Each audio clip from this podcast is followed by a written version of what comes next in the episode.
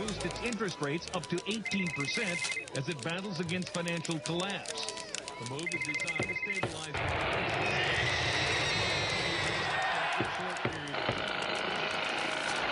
And now, economic messages to win the support of undecided voters.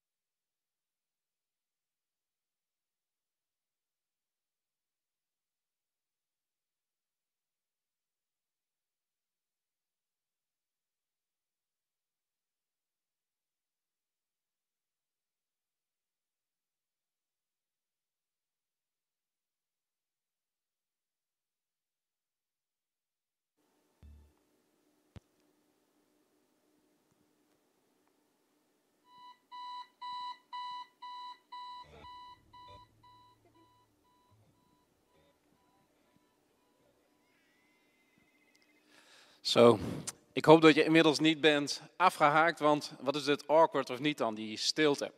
Weet je, we zijn het gewoon niet meer gewend. Want stel je nou eens voor dat volgende week zondag, de kerk zit weer bomvol, stel je voor. En Nicola of Jelmer die zou het podium opstappen en er zou een half uur stil zijn. Misschien is het wel de beste preek ever. Ik denk dat, by the way, dat een van hun vrouwen het podium heen op zou stappen om te checken van, hey, ben je wel oké? Maar dat even terzijde. Stilte. En weet je, dat filmpje wat we net zagen, dat zoals de dag begint, hè, bij velen van ons met allerlei geluiden. Met de wekker, de telefoon. Hè, de dag begint vaak met allemaal prikkels. En als ik naar mezelf kijk, dan, dan begint mijn dag soms dat ik uit bed word gebeld en dan begint die dag al met de eerste problemen. En als ik naar mijn inmiddels volwassen kinderen kijk, dan begint hun dag vaak op, op hun eh, mobieltje, op social media. En we vergeten juist wat zo belangrijk is, en dat is stilte. Ik had het me eigenlijk zelf wel een beetje moeilijk gemaakt vandaag. Ik werd gevraagd om hier te spreken en ik had zelf het onderwerp eh, bedacht, stilte. Ik had ook een mooie titel, zoiets van, kan jij de stilte aan? Maar met open oren stil zijn, dat past natuurlijk veel beter in het maandthema, de kracht van openheid. Maar mijn moeite was dit, ik had op een gegeven moment zoiets van, hey, hoe kan ik over een onderwerp spreken, stilte, oftewel God zoeken, hè, met open oren stil zijn of stille tijd hebben, terwijl ik er vaak zelf zoveel moeite mee heb. Met andere woorden, ik heb mezelf eigenlijk een beetje moeilijk gemaakt. Maar wat heb ik er ook veel van geleerd? En vandaag gaan we samen ontdekken waarom juist dit zo'n mooi onderwerp is. En afgelopen tijd heb ik mijn gedachten laten gaan over de Bijbel en stilte. En om eerlijk te zijn, dan is de Bijbel die is doorspekt met stilte. Bijna alle Bijbelse figuren die krijgen al te maken met periodes van stilte in hun leven.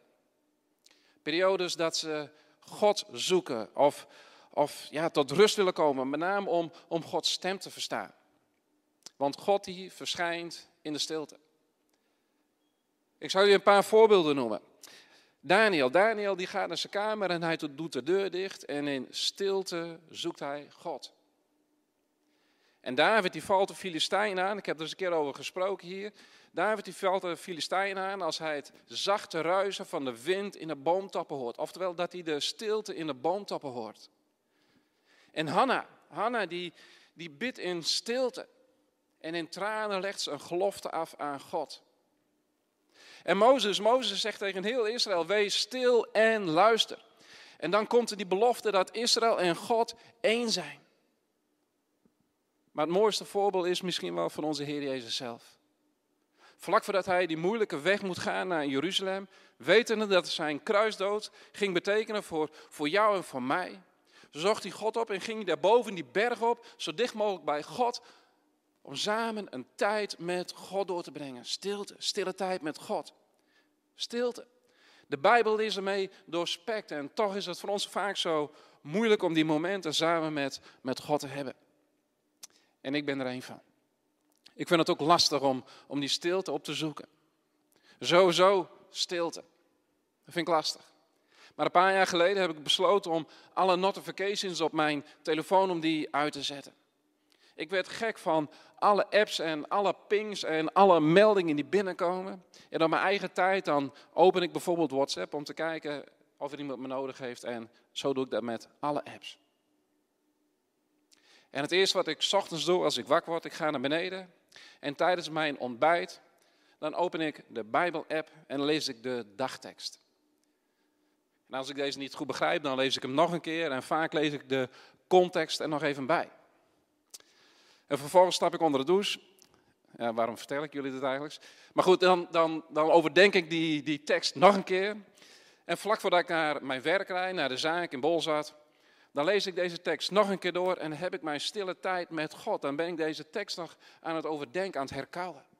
En hoe vaak gebeurt het niet dat God soms dwars door een dagtekst heen spreekt?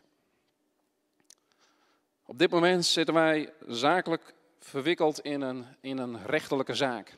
Ik noem het nog geen rechtszaak, want zover is het niet en ik hoop ook niet dat het zover komt. Maar ik vond het nogal ingewikkeld. Ik wil me daar graag als christen in opstellen. Niet, niet dom of naïef de, de zaken over me heen laten komen, maar meer zo van recht is recht en krom is krom. En weet je, en, en ja, nogmaals, ik vond het nogal ingewikkeld. Ik wil me daar als christen in opstellen, zei ik net. En, maar ik had echt zoiets van, hey, waarom hadden jullie me niet gebeld?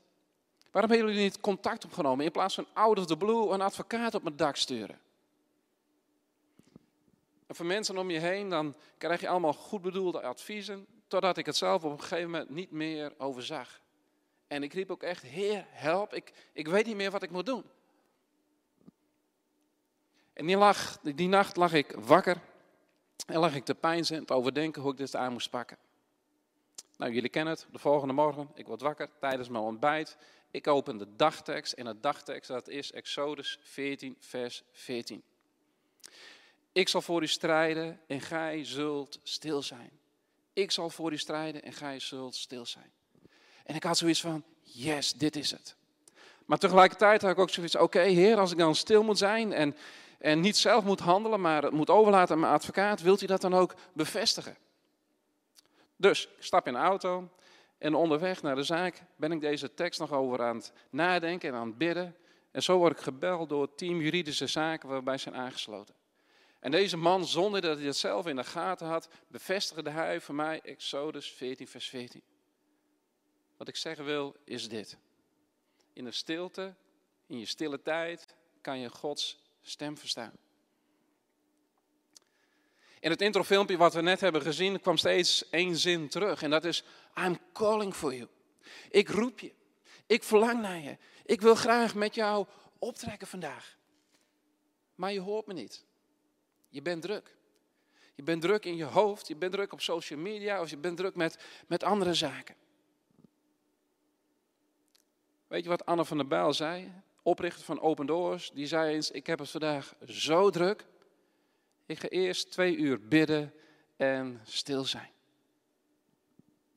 I'm calling for you. Weet je, God roept jou hier en nu. Terwijl je thuis misschien voor je beeldscherm zit. God roept jou. Ik roep je, I'm calling for you. En waarom doet hij dat? Weet je, God heeft jou nodig. Juist in deze tijd, in een tijd van corona, in een tijd waar we allemaal in zijn stilgezet. Ik wil jullie even meenemen naar 1 Koningen 19. Dat is wat lastig met zo'n microfoon. Normaal gesproken heb ik mijn handen los en kan ik van alles doen. 1 Koningen 19. Weet je, Elia, dat is een groot profeet. Een belangrijke Bijbelse man. Maar Elia die zit in een, in een soort van dip, in een depressie. En hij ziet het even niet meer zitten en zoals we het dan zeggen, dan, ja, dan is hij er helemaal klaar mee. En hij vlucht de woestijn in en hij geeft het op. En dat is op zich wel typisch dat hij de woestijn in vlucht, want de woestijn dat, dat is een plek die staat voor leegte en droogte. Een woestijn die staat voor doodsheid, een plek waar, waar niets wil groeien. Een plek waar geen levend water stroomt. En uitgerekend, dit is de plek waar Elia naartoe vlucht. En dan gaat hij onder een struik liggen en dan geeft hij het op. En toen dacht, toen dacht ik van ja, op zich best mooi om te lezen. Ja, sneu voor Elia, maar voor ons een mooi om te lezen dat zelfs zulke belangrijke mannen, bijbelse mannen als Elia, hiermee te kampen hebben. Maar goed, hij ligt dus onder die struik en dan geeft hij het op. En tot twee keer toe stuurt God dan een, een engel naar Elia om hem eten en drinken te geven. Zo van, Elia, kom op, zet door, ik heb je nodig. I'm calling for you. En vervolgens zwerft hij dan veertig dagen en nachten door de woestijn. En hij verschuilt zich uiteindelijk, verschuilt hij zich op de berg, naar boven in een grot. En laat dit nu de berg Horeb zijn.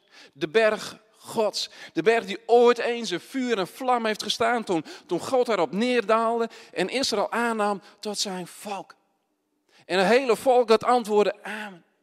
Het is de berg die trilde op zijn grondvesten. En er werd geschiedenis geschreven.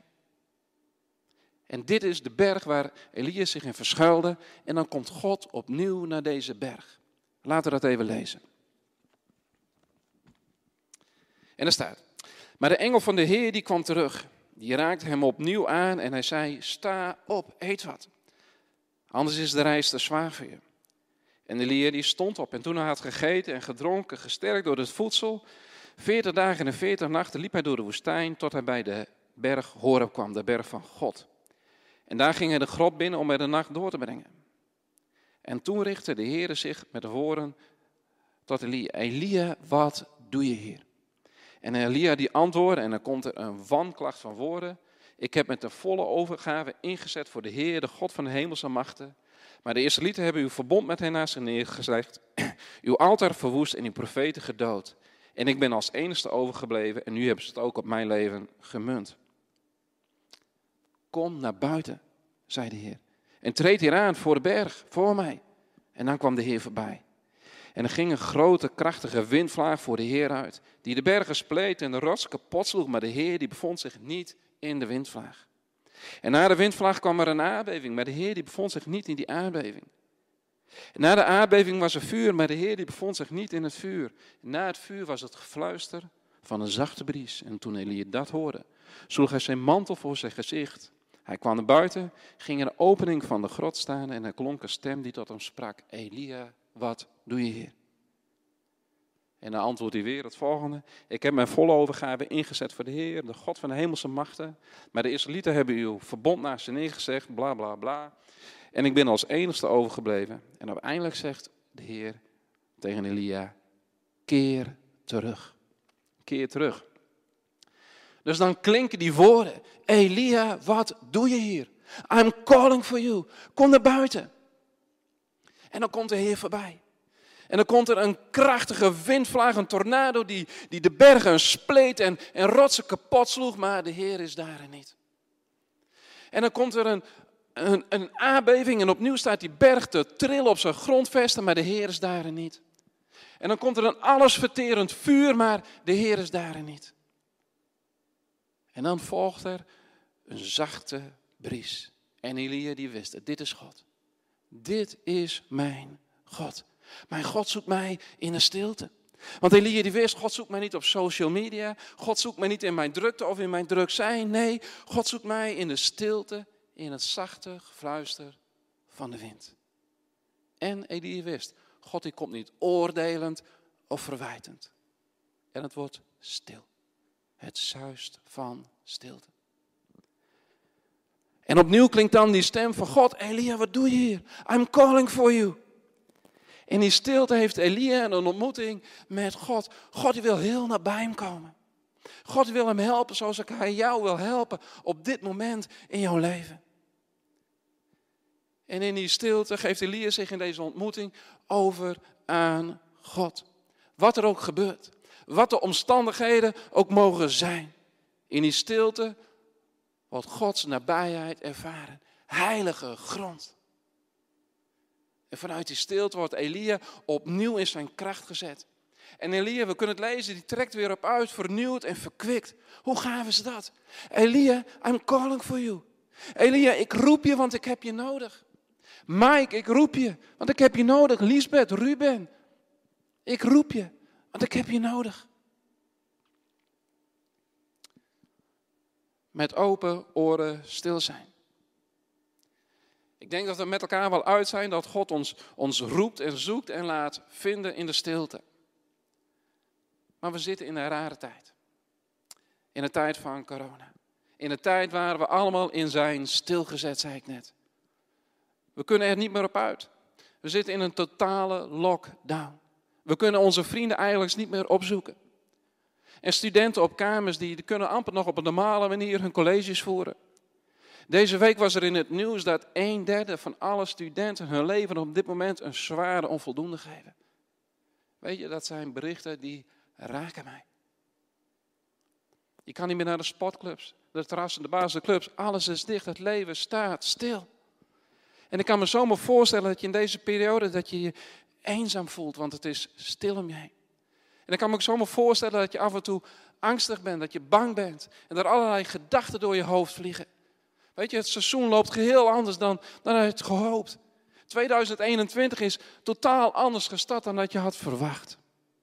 Maar weet je, we hoeven ons niet te verschuilen, net zoals Elia. God wil juist in deze periode van stilgezet zijn, intiem met jou zijn. Matthäus, 8, Matthäus 11, vers 28, die zegt, komt het mij allen die vermoeid en belast zijn en ik zal je rust geven. Komt het mij allen die vermoeid en belast zijn en ik zal je rust geven. We mogen bij God komen. We mogen bij God komen in al onze moeite, in al onze eenzaamheid, in onze zorgen. We mogen bij Hem komen om tot rust te komen, om te onthaasten. En daarom moet je ook regelmatig bewust een keuze maken om die rust te ontvangen en te ervaren. Want die rust, dat is Hij zelf. En die rust kunnen we alleen maar vinden als we tijd vrijmaken om in die stilte te zijn. Om aan zijn hart te zijn. Om zijn stem te horen. En die klinkt niet als we alleen maar aan het hollen zijn.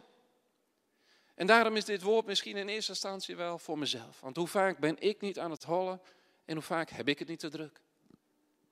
En hoe vaak is het antwoord niet als je iemand vraagt van hoe gaat het met je, dat diegene zegt van het gaat goed, maar ik heb het druk. En weet je, dat is ook zo. We hebben het druk. We hebben druk met social media up-to-date houden. We hebben druk met onze jonge gezinnen. We hebben druk met onze studies. We hebben druk met ons werk. Maar dat houdt ons bij die rust vandaan. En soms denk ik wel eens dat deze periode van corona dat dat een zegen is. En natuurlijk, begrijp me goed, ik vind het erg. Alles wat er gebeurt in een ziekenhuis, op de IC's, de mensen die komen, te overlijden, die ziek zijn. Maar misschien is het ook wel een periode dat God ons bewust even stilzet. Jouw leven even stilzet. Hey, wees eens even stil, gast. Met open oren stil zijn. Misschien is juist wel goed om, om even terug te keren naar de essentie van het leven. Om in de stilte God te zoeken. Weet je, we zijn geroepen om Gods wil te doen. Elia die had een ontmoeting met God en God die buigt zijn dip of zijn depressie of wat het dan ook maar is. Die, die buigt hij om in die ontmoeting en hij zet hem weer in zijn kracht. En dan staat er letterlijk en Elia die keert terug. Winston Churchill die zei ooit eens, never waste a good crisis. Never waste a good crisis. Wat ik hiermee zeggen wil is dit. Misschien moeten we deze crisis in geestelijk opzicht wel als kans zien om, om dichter bij God te komen. Ik denk dat God ons in deze periode misschien wel even bewust stilzet. Om even een periode heerlijk bij Hem te zijn. Om ons misschien wel om te buigen voor een periode die na corona komt. Dus wees niet bang, God is bij je. In de stilte. Wees niet eenzaam, maar zoek Hem. Weet je, afgelopen week werd ik bepaald bij Jeremia 17. In Jeremia 17 staat, maar gelukkig is de man en de vrouw die op de Heer vertrouwt. En al zijn geloof en hoop op Hem richt. Hij lijkt op een boom die aan de rivier staat. Een boom die geen last heeft van corona, uh, van de hitte. En niet lijdt onder de maandenlange droogte. Zijn bladeren die blijven groen en hij blijft vrucht dragen. Ik noemde net het woordje crisis. Weet je wat het letterlijk betekent? Het is afkomstig uit het Grieks en het betekent letterlijk een tweesprong op de weg. En misschien sta je geestelijk wel op die tweesprong. En als je de ene kant op gaat, dan ga je gebukt onder de omstandigheden en de golven die beuken op je leven en je wordt moe en neerslachtig. Maar dan bid ik dat je die andere weg kiest. Dat wat de omstandigheden ook mogen zijn, dat je in die stilte God zoekt. En dat je mag zijn als, als, als die boom. Die boom die aan, aan de rivier Jezus staat geworteld. Die levend, gevend water geeft. Een boom die fris en geestelijk fit blijft. Een boom die vrucht draagt.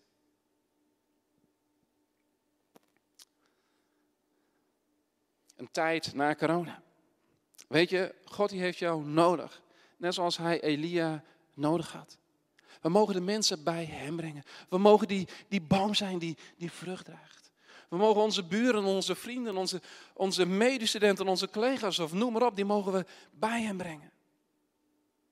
Want ik denk dat God deze tijd wil gebruiken om jou klaar te maken voor zijn missie. Vissers van mensen. En dat hoeft niet heel groots. We hoeven net, net zoals Anne van der Bijl de, de straat of de barricades op. Maar je mag het gewoon heel simpel op, op jouw manier doen. Op jouw manier de mensen om, om je heen laten zien dat Jezus leeft door jou heen. En hoe je bent. Je mooie eigenschappen. Je ogen voor je vrienden. Bid dat je mag, mag, mag kijken door de ogen van, van, van Jezus. En dat je mag luisteren met de oren van Jezus. Met open ogen, open oren, open harten, open huizen. Weet je zo kunnen de mensen bij, bij Jezus brengen. En Jezus bij de mensen op die plek waar rust is. Maar, maar hoe kunnen we dat doen als je zelf nooit op die plek komt? Dus zoek die plek. Kies om bij Jezus te zijn. En als dat thuis niet lukt, ga dan naar buiten, ga er de natuur in. Weet je dat we nu niet zoveel te doen hebben door corona is daarom misschien wel een zegen. Ik wil nog één Bijbelgedeelte lezen met jullie en dat is Jeremia 29. Jeremia 29. En dat is het lievelingshoofdstuk van mijn vrouw. Moest ik er even bij zeggen. Jeremia 29, laten we het eerst even lezen. Dit zegt de Heer van de hemelse machten, de God van Israël. Tegen de ballingen die hij vanuit Jeruzalem naar Babel heeft laten voeren. Bouw huizen en ga daarin wonen. Leg tuinen aan en eet van de opbrengst. Ga huwelijken aan en verwek zonen en dochters. Zoek vrouwen voor je zonen en huw je dochters uit. Nou, dat ga ik niet doen, Roos. Zodat zij zonen en dochters baren. Jullie moeten in aantal toenemen en niet afnemen. Bid tot de Heer van de stad waarheen ik jullie gevoerd heb. Bid tot de Heer van Leeuwarden waarheen ik jullie gevoerd heb. En zet, haar in, zet je in voor haar bloei, want de bloei van de stad is ook jullie bloei. En dit zegt de Heer van de hemelse macht en de God van Israël. Laat je niet misleiden door de profeten. Geloof niet alles wat er op social media geschreven staat. God zaait geen angst. Hecht geen geloof aan hun dromen. Ze dromen slechts wat jullie wensen. En wat ze jullie in mijn naam profiteren, dat zijn leugens. Ik heb het niet gezonden, spreekt de Heer. En dit zegt de Heer. Als er in Babel 70 jaar voorbij zijn, zal ik naar jullie omzien. Dan zal ik mijn belofte gestand doen door jullie naar Jeruzalem te laten terugkeren. Mijn plan met jullie staat vast, spreekt de Heer. Ik heb je geluk voor ogen en niet je ongeluk. En ik zal je een hoopvolle toekomst geven. Jullie zullen mij aanroepen en tot mijn bidden en ik zal naar jullie luisteren. Jullie zullen mij zoeken en ook vinden als jullie mij tenminste met hart en ziel zoeken. En ik zal maar door jullie te vinden, spreekt de Heer. En ik zal je lot keer brengen. En ik zal je samenbrengen uit alle volken en plaatsen waarheen ik jullie verbannen heb, spreekt de Heer. En je laten terugkeren naar Jeruzalem. Dit gaat over het volk Israël dat in ballingschap leeft. En als ik dit tekstgedeelte even vrij mag vertalen naar onze situatie, dan leeft het volk Israël ook in een soort van lockdown. Maar de woorden die zijn oh zo bemoedigend. Bouw huizen. Ga tuinen aanleggen. Zit niet stil. Weet je, dit is de situatie waar we nu even mee hebben te dealen. Dit is de situatie waar we nu even in zitten. We gaan niet bij de pakken neerzetten. Nee, ga bouwen. Bouw in jouw community. Bouw in jouw relatie met Jezus. Help mensen deze gemeente binnenkomen om, om ze zo bij Jezus te brengen. Ga zaaien. Vers 10. En ja, het gaat toch even duren. Het is nog niet voorbij. Maar ga niet bij de pakken neerzetten. Nee, laten we volharden. Want ik breng jullie terug. Ik breng jullie terug naar Jeruzalem. Er komt een tijd. Er komt weer een andere tijd.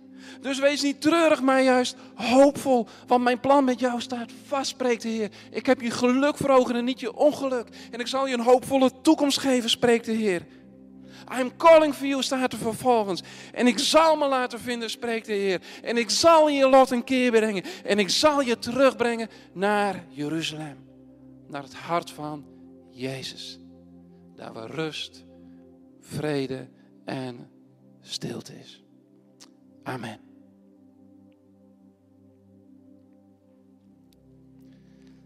Jullie hebben het misschien al een klein beetje gehoord. We gaan zo het zegenlied zingen. En het zegenlied dat is een vertaling van de blessing. En de blessing die komt letterlijk vertaald, of letterlijk niet vertaald, maar die komt letterlijk uit de message. En laat ik nu zo'n Bijbel hebben. En die woorden wil ik gewoon over jullie uitbidden. God bless you and keep you. God smile on you and gift you. God look you full in the face and he makes you prosper. De Heer zegent jou en hij beschermt jou. Zijn nabijheid die geeft hij. Genadig is hij. De Heer richt zijn oog op jou en hij geeft jou vrede. Amen.